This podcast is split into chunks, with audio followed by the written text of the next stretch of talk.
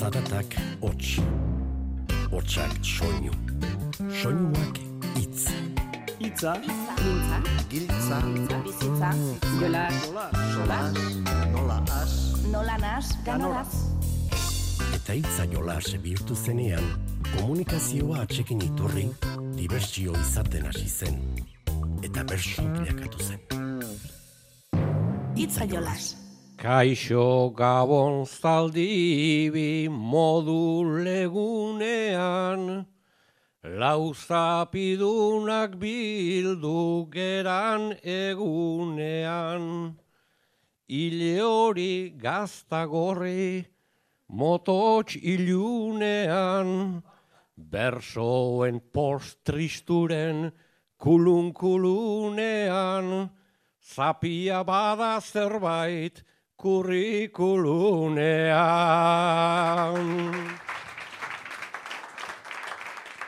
Azi bat ona datorren oez, esan dezala denborak, eta holtzaren ganean daude hasi ziren trobadorak.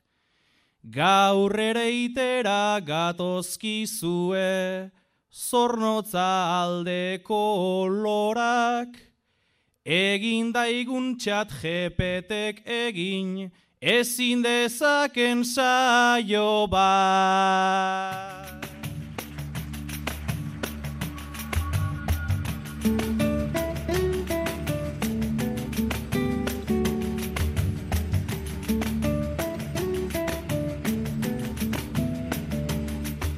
Kaixo entzule, ez ez, oraindik ez da ez iritsi adimen artifiziala gurera, baina auskalo, nork daki. Oraindik ordenagailua, eskuak eta aurikularrak behar izan ditugu gaurko hautaketa egiteko. Hori bai, gaur zapia eta arkatza hartuta gatoz.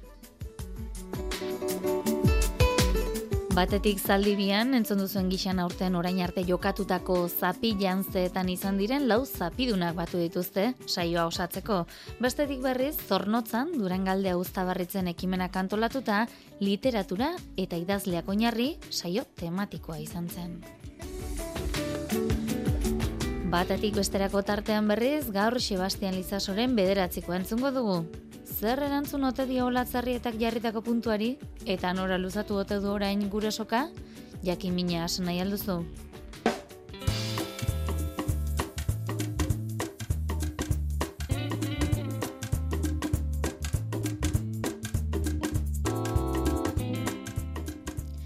Zaldibian jokatu ohi dute zapi janztea, orain arteko lau edizioetako zapidunak elkartu eta saioa osatu zuten joan den apirilaren hogeita batean. Kantuan beraz, Maialen Lujanbio, Andoni Egaina, nire Ibartzabal eta eneko araiztegi jardun ziren alaitz sarasolak gaiak eman da.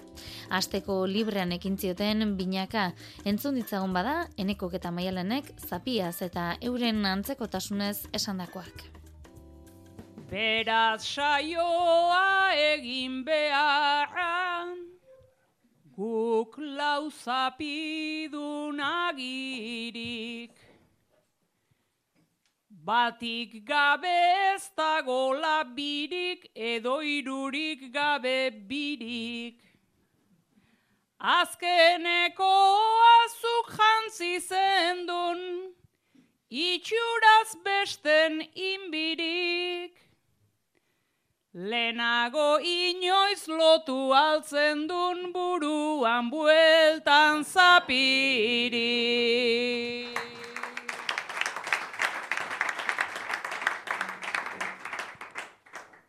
Ez lehena nuen eta oraindik, hartaz oroituta nago. Nereak jarri nindun maialen, naizen baino ederrago. Baina zuk antza bidauzkazuta, nik bakarrakin akabo. Hortan izan behar aldezu, besteak baino gehiago.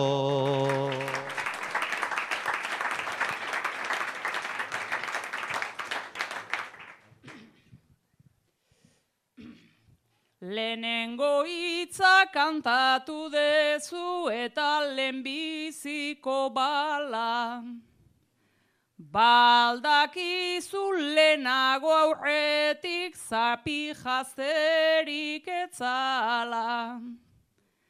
Nik bat jantzita gero beste bat lehenengoa emanala.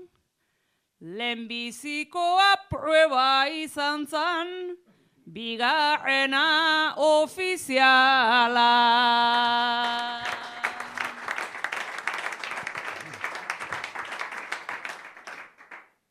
Banik bakarra lortuta daukat, ofiziala zen prenda. Bigarrenare lortuko nuke, nere ideiak eten da. Egiari zor laburra degu, nere garaipen zerrenda, baina gutxitan irabazita, gehiago estimatzen da.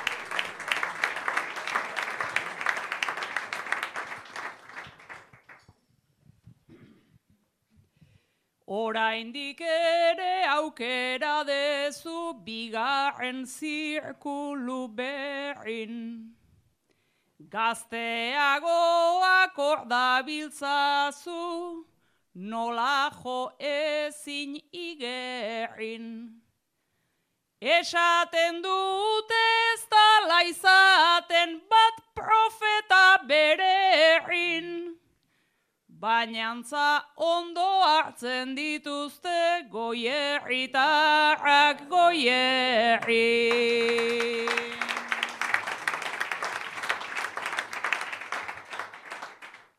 Bainik zaldi bin pasako nuke, aste buruta astea.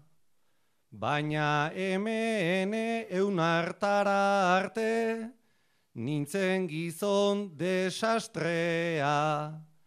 Denean galdu beti asarre, neukan aiken emaztea, ta egun hartan probatu nuen, zer degun irabaztea.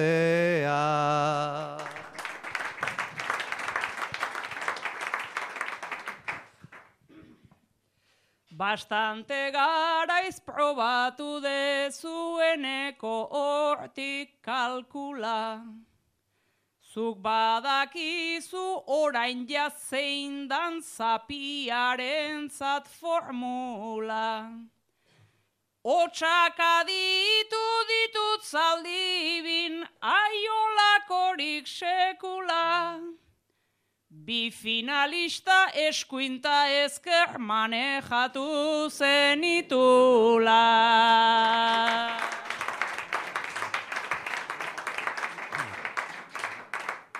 Ez egon lasai egun hartan, etzen jainkorik berpiztu. Bai egia da edukinuen, beharra dina arrisku. Baina gauza bat esan nahi dizut, ez egitearen txistu, albaldin bada doblea entzun, eta erdia sinistu.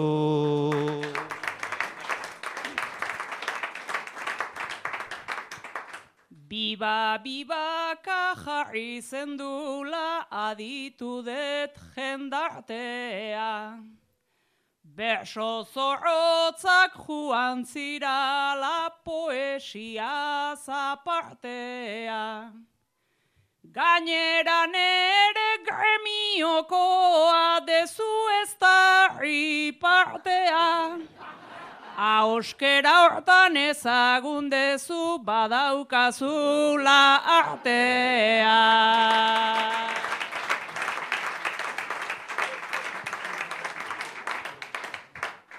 Bai txikitatik ikasi nuen, maialen zure dotrina.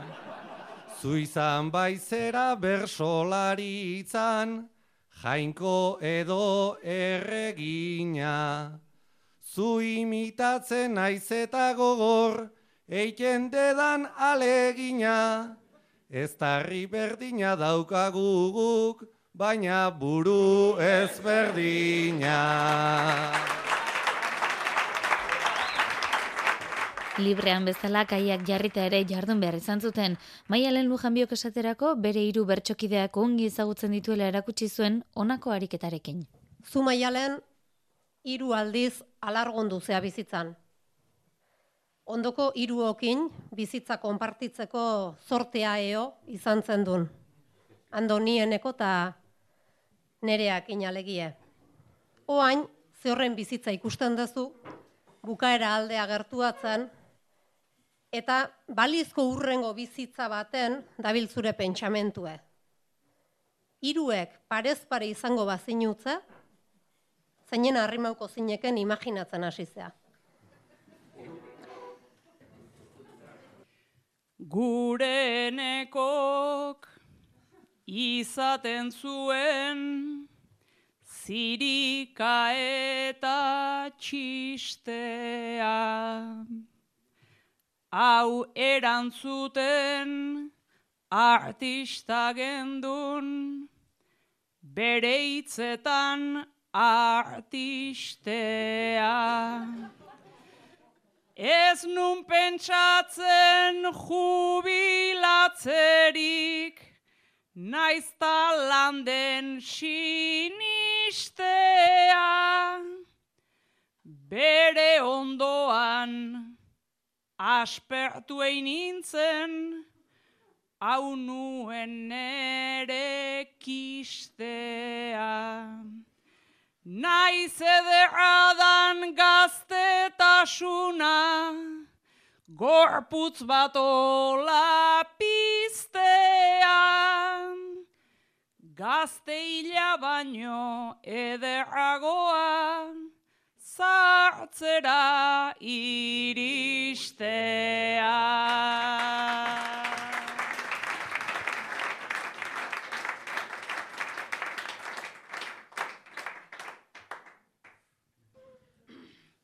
Ara andoni, San Pedro kutzi, tapasa zana hileran,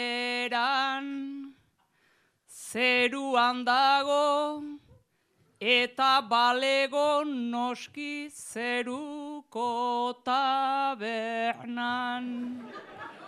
Hau eta biok bizi ginala, moldatzen ginean primeran, ni bere gana igual joango naiz, bizi berri aseran. Matrimonioak ola behar du, zer ginen eta zer geran. Kaso txikia egiten zidan, tapakea hundia eman.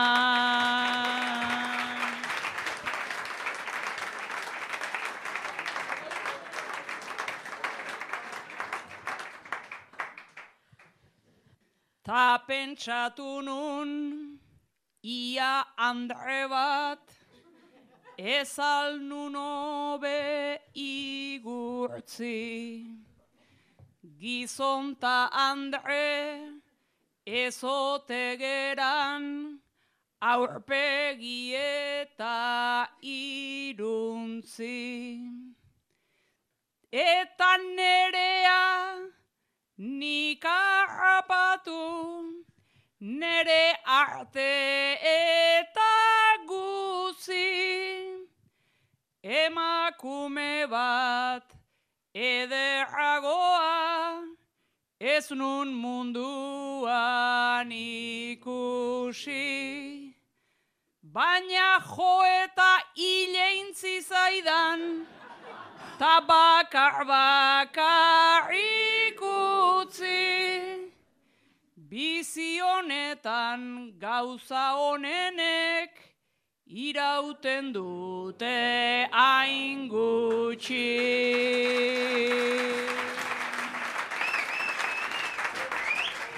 Zaldibiako Josipanen Andoni ere bakarkako lanean jarri zuten. Zuek baldakizue aurpegian zenbat gihar ditugun eta zenbat mugitzeko gai garen? Ba, galtzeko zorian diren keinuak ere, ba, omen dira izue. Ba, ote dakizue zein? Entzun, entzun. Hala esaten due ikerlarik. Giza aurpegie berrogeita hiru keinu itxeko gai dala.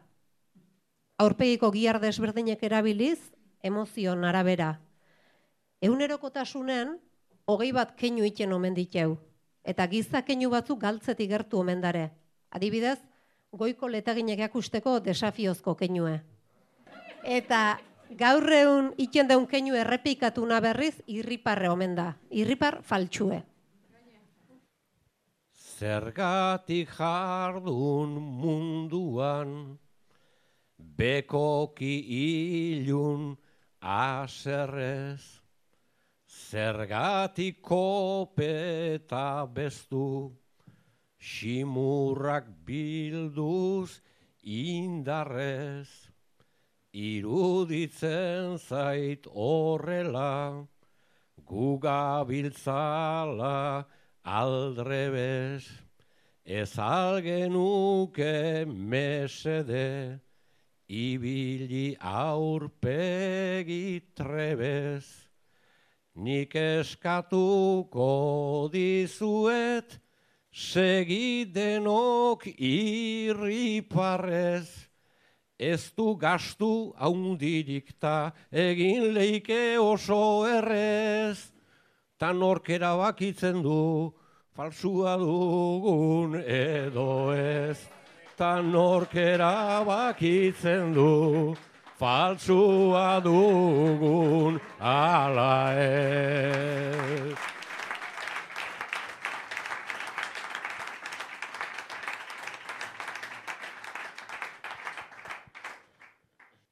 Baina beti jokonda bat, aurrean ezin ikusi, irripar ez den irripar, horrek ezin beti luzi, gizarte honetan bada, magina bat injustizi, ta horrelakoak ezin, irri parsoliakin utzi. Otsotik gertutik gatoz, otsotasunari eutsi, inortxok ere ez gaitzan goitikan jo eta hautsi, tarteka komeni data, letaginak erakutsi. Tarteka komeni data, letaginak erakutsi.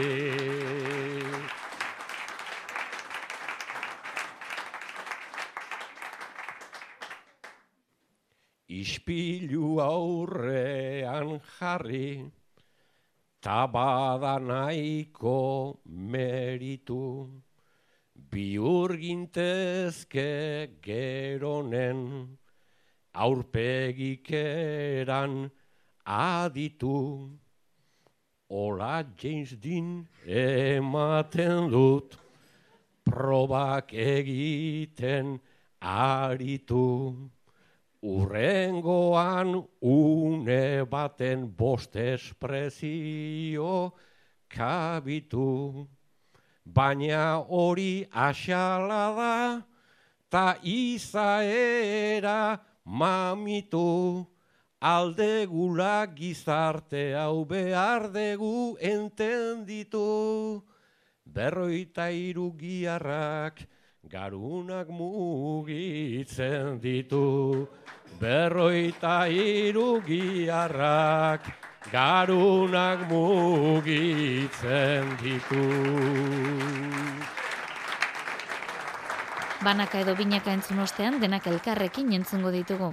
Kopletako ariketarako, anai arreba paperean murgilduko dira, baina etxe berekoak izan arren, bakoitzak bere bizipen eta ikuspuntuak izango ditu noski. Gurasoak esan izan due, berdin berdin tratau eta ezi izan dituela bere numek beti. Baina hoi ez da sekula egia izaten, ia sekula eo.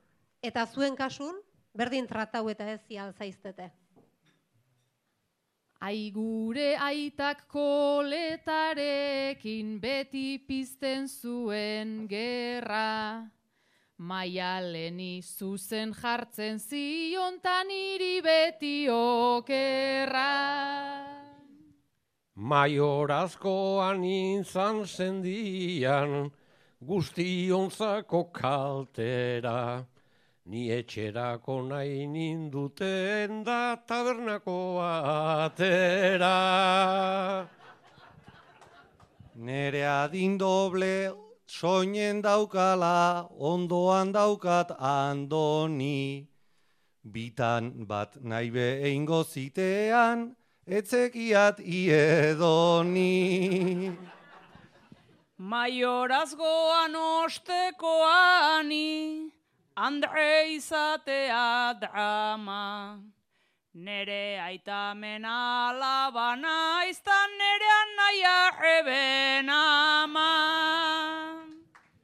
Ta horrela joan zitzaizkigun kargadenak gugan batzen. Nori erakutsi ote zioten aman painalak aldatzen. Aizak eneko iz bakoitzadek bere esan nahian jabe. Ni uste gabe egin ninditen eta iberriz nahi gabe.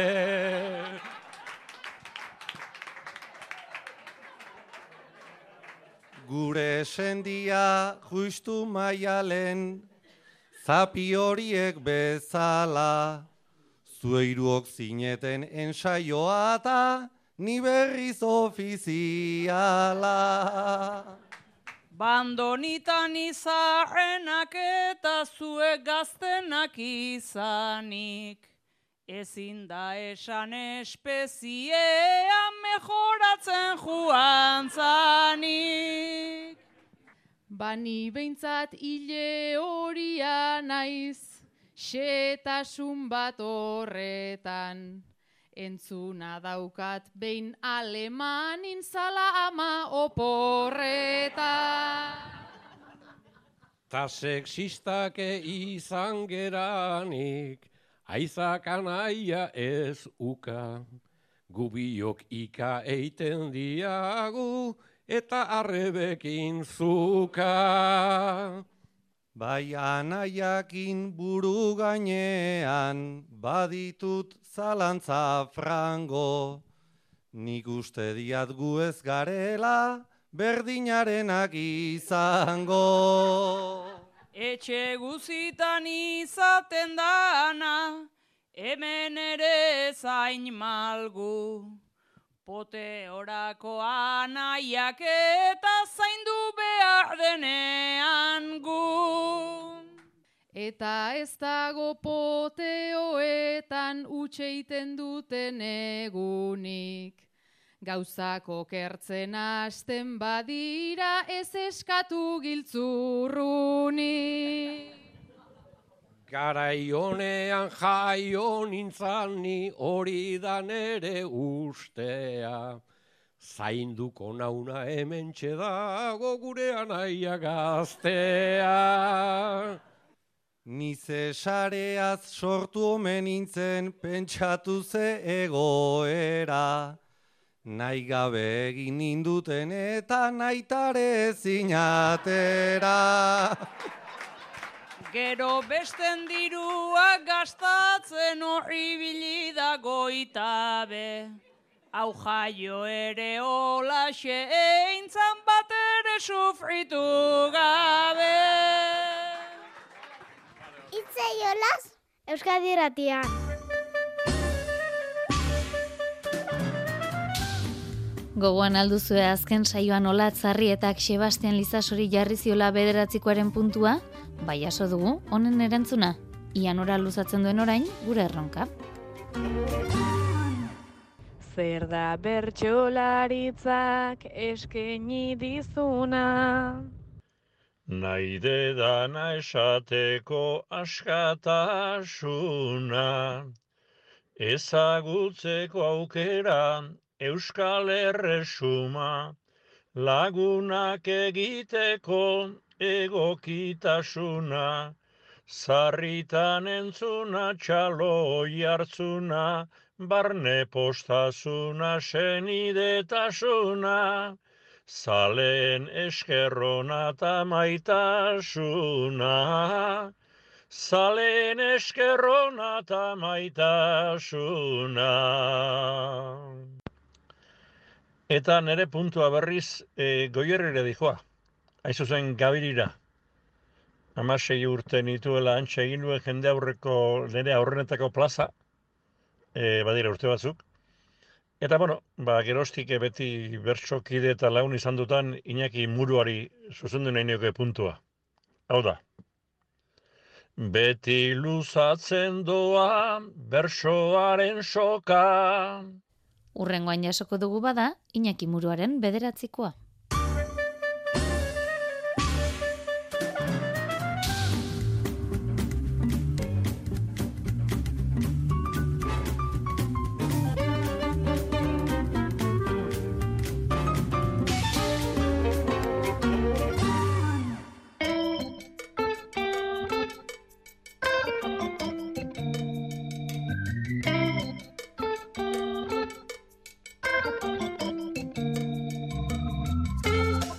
Zapia utzi eta arkatzari edo lumari helduko diogu. Zornotzan, Durangaldea uztabarritzen ekimenak antolatuta, literaturan eta idazleen aipuetan oinarritutako bertso saio tematikoa osatu zuten martxoaren hogeita lauan. Kantuan, Janire Arrizabalaga, Alaia Martin, Igor Galartza eta Igor Elortza aritu ziren, Jonander Urkiagak jarri zizkien gaiak. Leire Bilbao kidatzitakoa, hitzez hitz hartu oidu antza alaiak, baina zeote dio Igor Elortza pixukideak. Hitzak haizeak eramaten ditu da horregatik alaiak oso serio hartzen ditu idatzita geratzen diren hitz horrek. Kontua da, badela hilabete bat alaia irakurri zenuela leire bilbaoeren etzeko urak liburua. Eta esalditzo batekin geratu zinen. Zeuk esan zenidan behin, ez fio garbiegi usaintzen duen etxe batean sartzean. Eta jakina, berak oso pertsona fidagarria izan nahi du. Eta hori irakurri zuenetik ona, ba, etxeko zeregin batzuk antza ba, ez ditu behar, ondo, beze- behar bezain ondo betetzen. Eta igor pizukidea gogaitzen, eta zarratzen edo hasietedan. Leire Bilbao leitzeai, ekin eta segi, etxeak ez du behar antza garbiegi, baina esango dizkizut, alaia biegi, komunak usaintzen du, fidagarriegi, komunak usaintzen du, fidagarriegi. Mila esker bihotzez, bihotzak diosta, xague galtzerditan naizta egin koska, garbitzen dugunetik, zerbait osta-osta, irabazten irten da etxeko konposta, irabazten irten da etxeko konposta.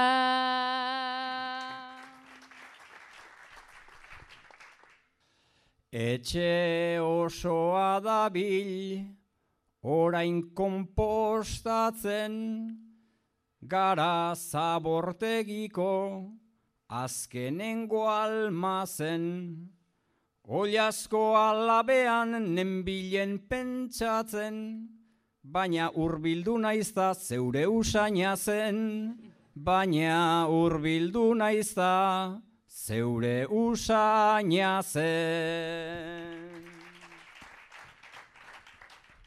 Ez ditut aldatuko blusak eta gonak, ekologiko kiere zaintzen ditut komak. Aldaketa hauek dira guztionzat onak, aktibatu daitezen nire feromonak, aktibatu daitezen nire feromonak.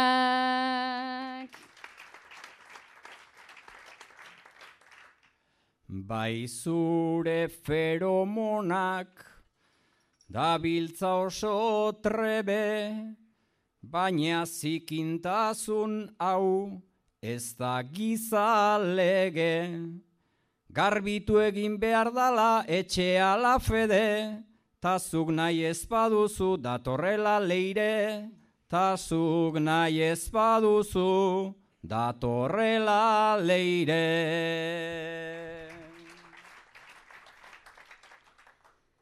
Leireren liburuan badut nahiko fede, etxeko ur hoietan zeu zaitut titere, kristalak ere daude, polit polit berde, jada ez dugu behar gortinarik ere, jada ez dugu behar gortinarik ere. Eta antzera dago, oeko izara, enintzake hausartuko, eroaten plazara. Baina esaten dizuta hori da patxada, zuetzara fidagarri zu alperra zara, zuetzara fidagarri zu alperra zara.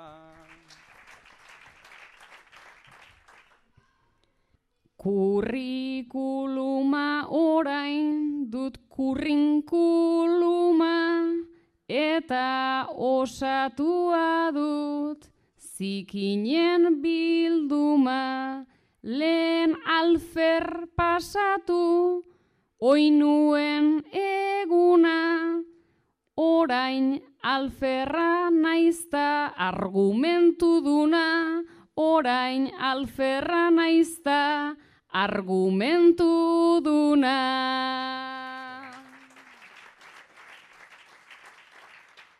Beraz argumentuak daude oinarrian, lehenago banen bilen egoera larrian, begiratu zaituta jarri naiz guardian, perretxiko bat irten zaizu belarrian, perretxiko bat irten zaizu belarrian.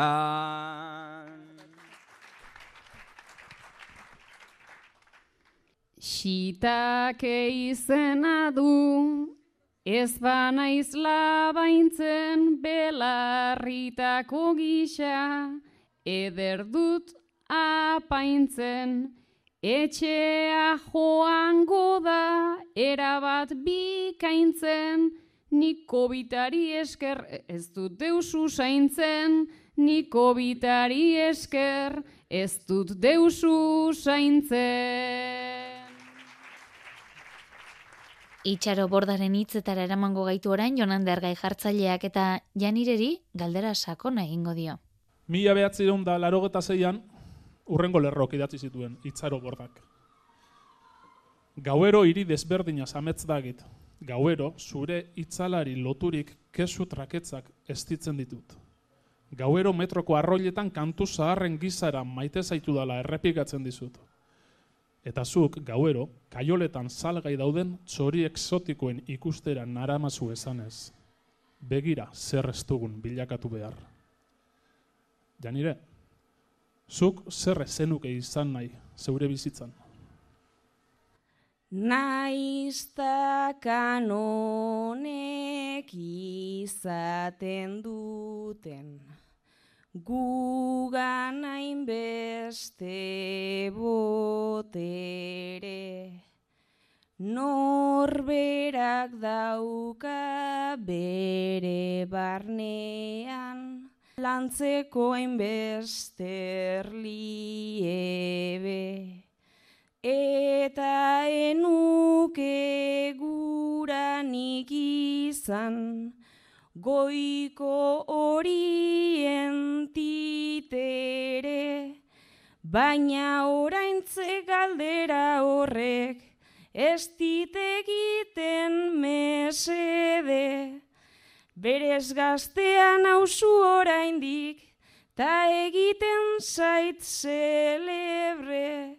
Zeren oraindik ez dakit ondo zer izan nahi dudan ere.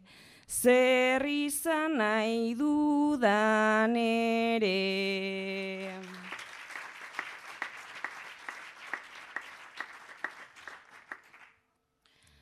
Galdera entzun ta geratu naiz, une batean trantzeko, sentitu bai naiz orientatzaie, gela horrezen antzeko. Batzierrean nituen eta, mila karrera lantzeko, medikuntza bat kasetaritzan, ikusentzuna ostantzeko, ta horregatik ementzenago, aukera hoiek tarteko, zenbat denpora dudan aurretik, ta zenbat aukeratzeko ta zenbat aukeratzeko.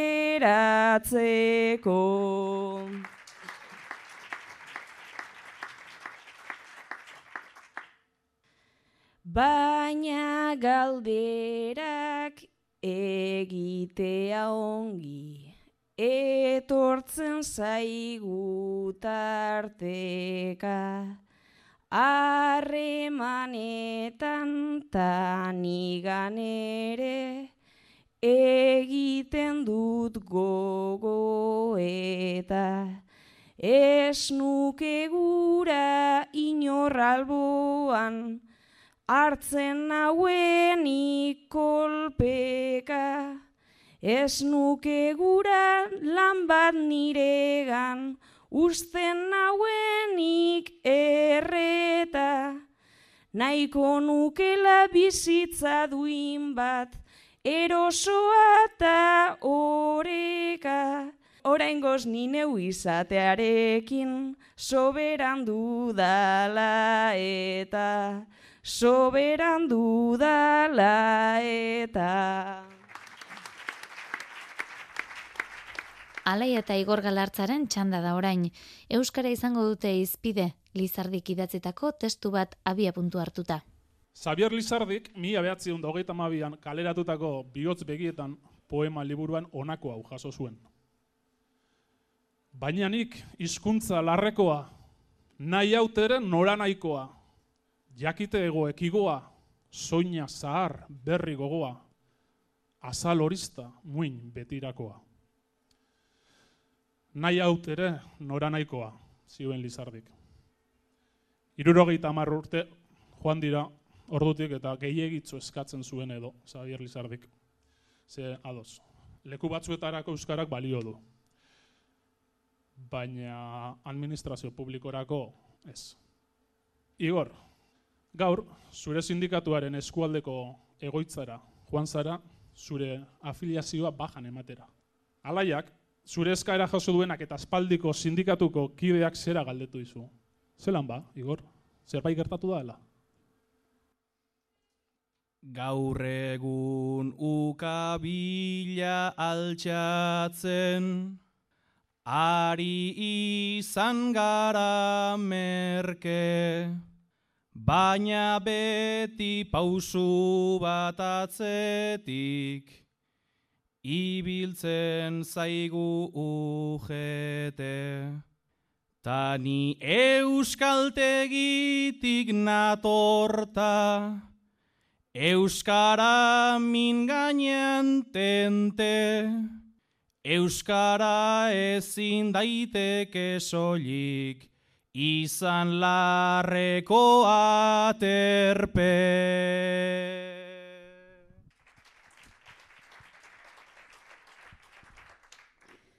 Baina larrean eroriz joan da pixkana meteoritoa.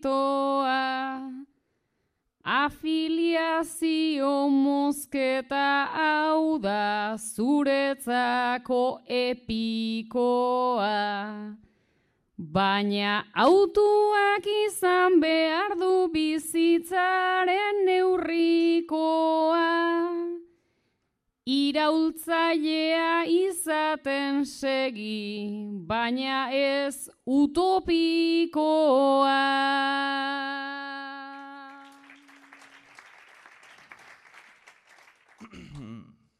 Utopikoan amestea ere, orain aldugu batxarra.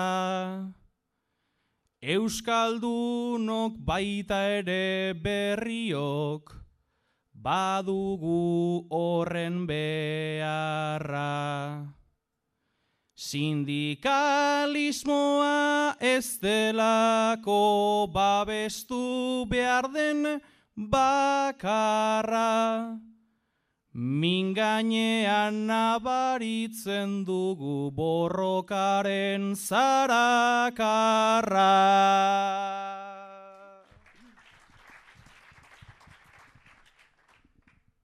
Sumatzen duzu dena dagola apokalipsi bezperan. Euskaltegian izena eman, lengo iturritik edan.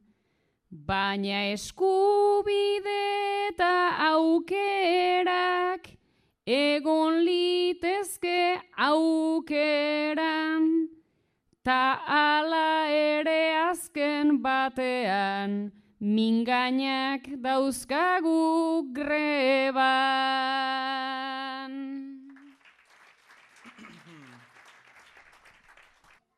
Mingainek ere eskubidea, dute greba egiteko, lantegira sartuta euskaraz, lasai aski mintzatzeko.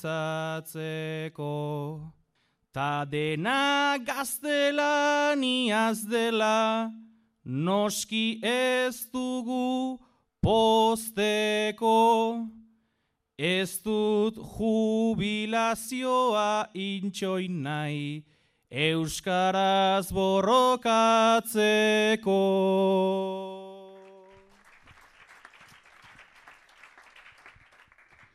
Bapatean azkartu alzaizu, ideia eta taupada, ona etorrita goitik bera zuzentzeko begirada. Ez gara helduko oso urruti, ofizialtasun hortara, borrokatzeko zure modua alde egitea bada.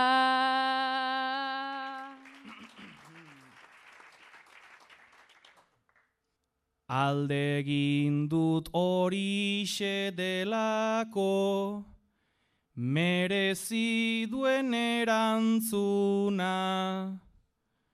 Euskal Herri langile euskaldun, horixe da behar duguna. Baina bakar batek ezin du hau, eroan erantzunkizuna. Non dago langile klase batek izan duen aizpatasuna.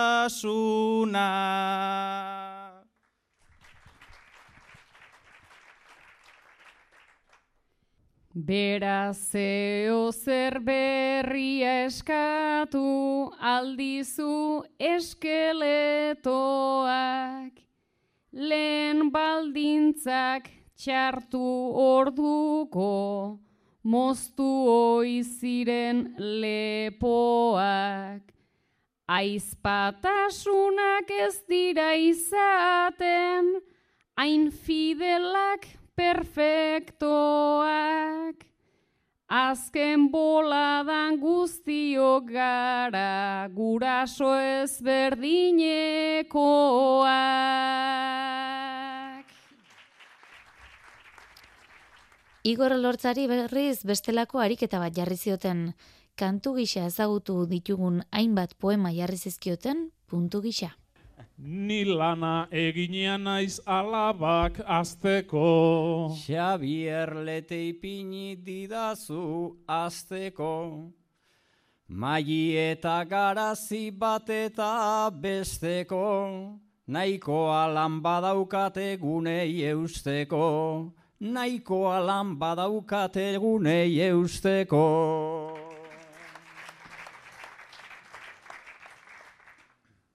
Bigarrena. Haunditzen zarenean ikusiko duzu. Ez dela hemen dena ematea musu. Benetan eman behar da amaika pausu. Gizon zein emakume maite badituzu.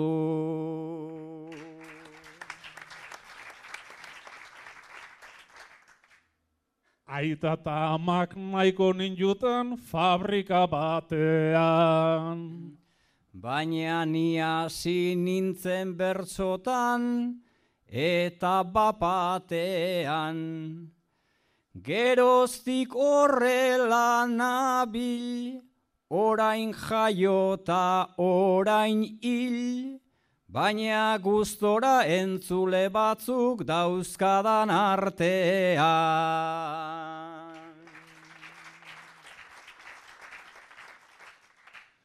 Aizea dator ifarraldetik, ego berotik ekaitza.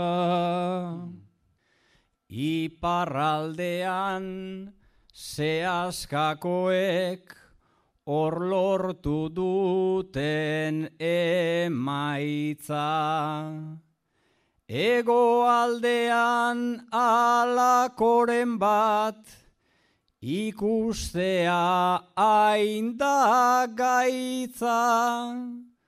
Batzuk bestei ikasi eta obeliteke emaitza. Ez dago errez ez herriaren, ta ez herritarren zaintza, baina aurrera eigoaz eta defenda bedi bakoitza.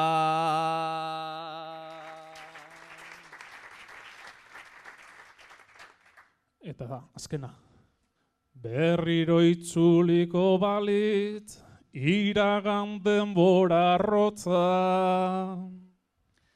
Hasiko ote litzake, berriz bertzotan elortza. Edo beste zeo zeri, zartuko lioke hortza. Naizta berdin erabili, burua itza ahotsa.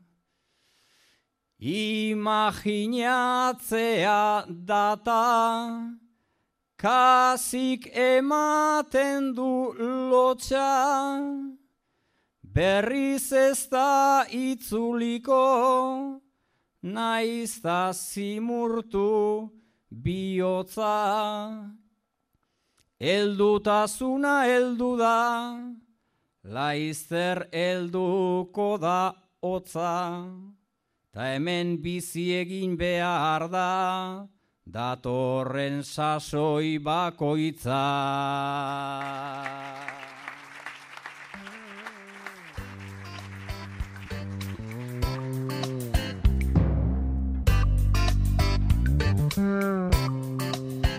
Ba, gaurko zonaino, mirari egurtza teknikari eta biok bagoaz.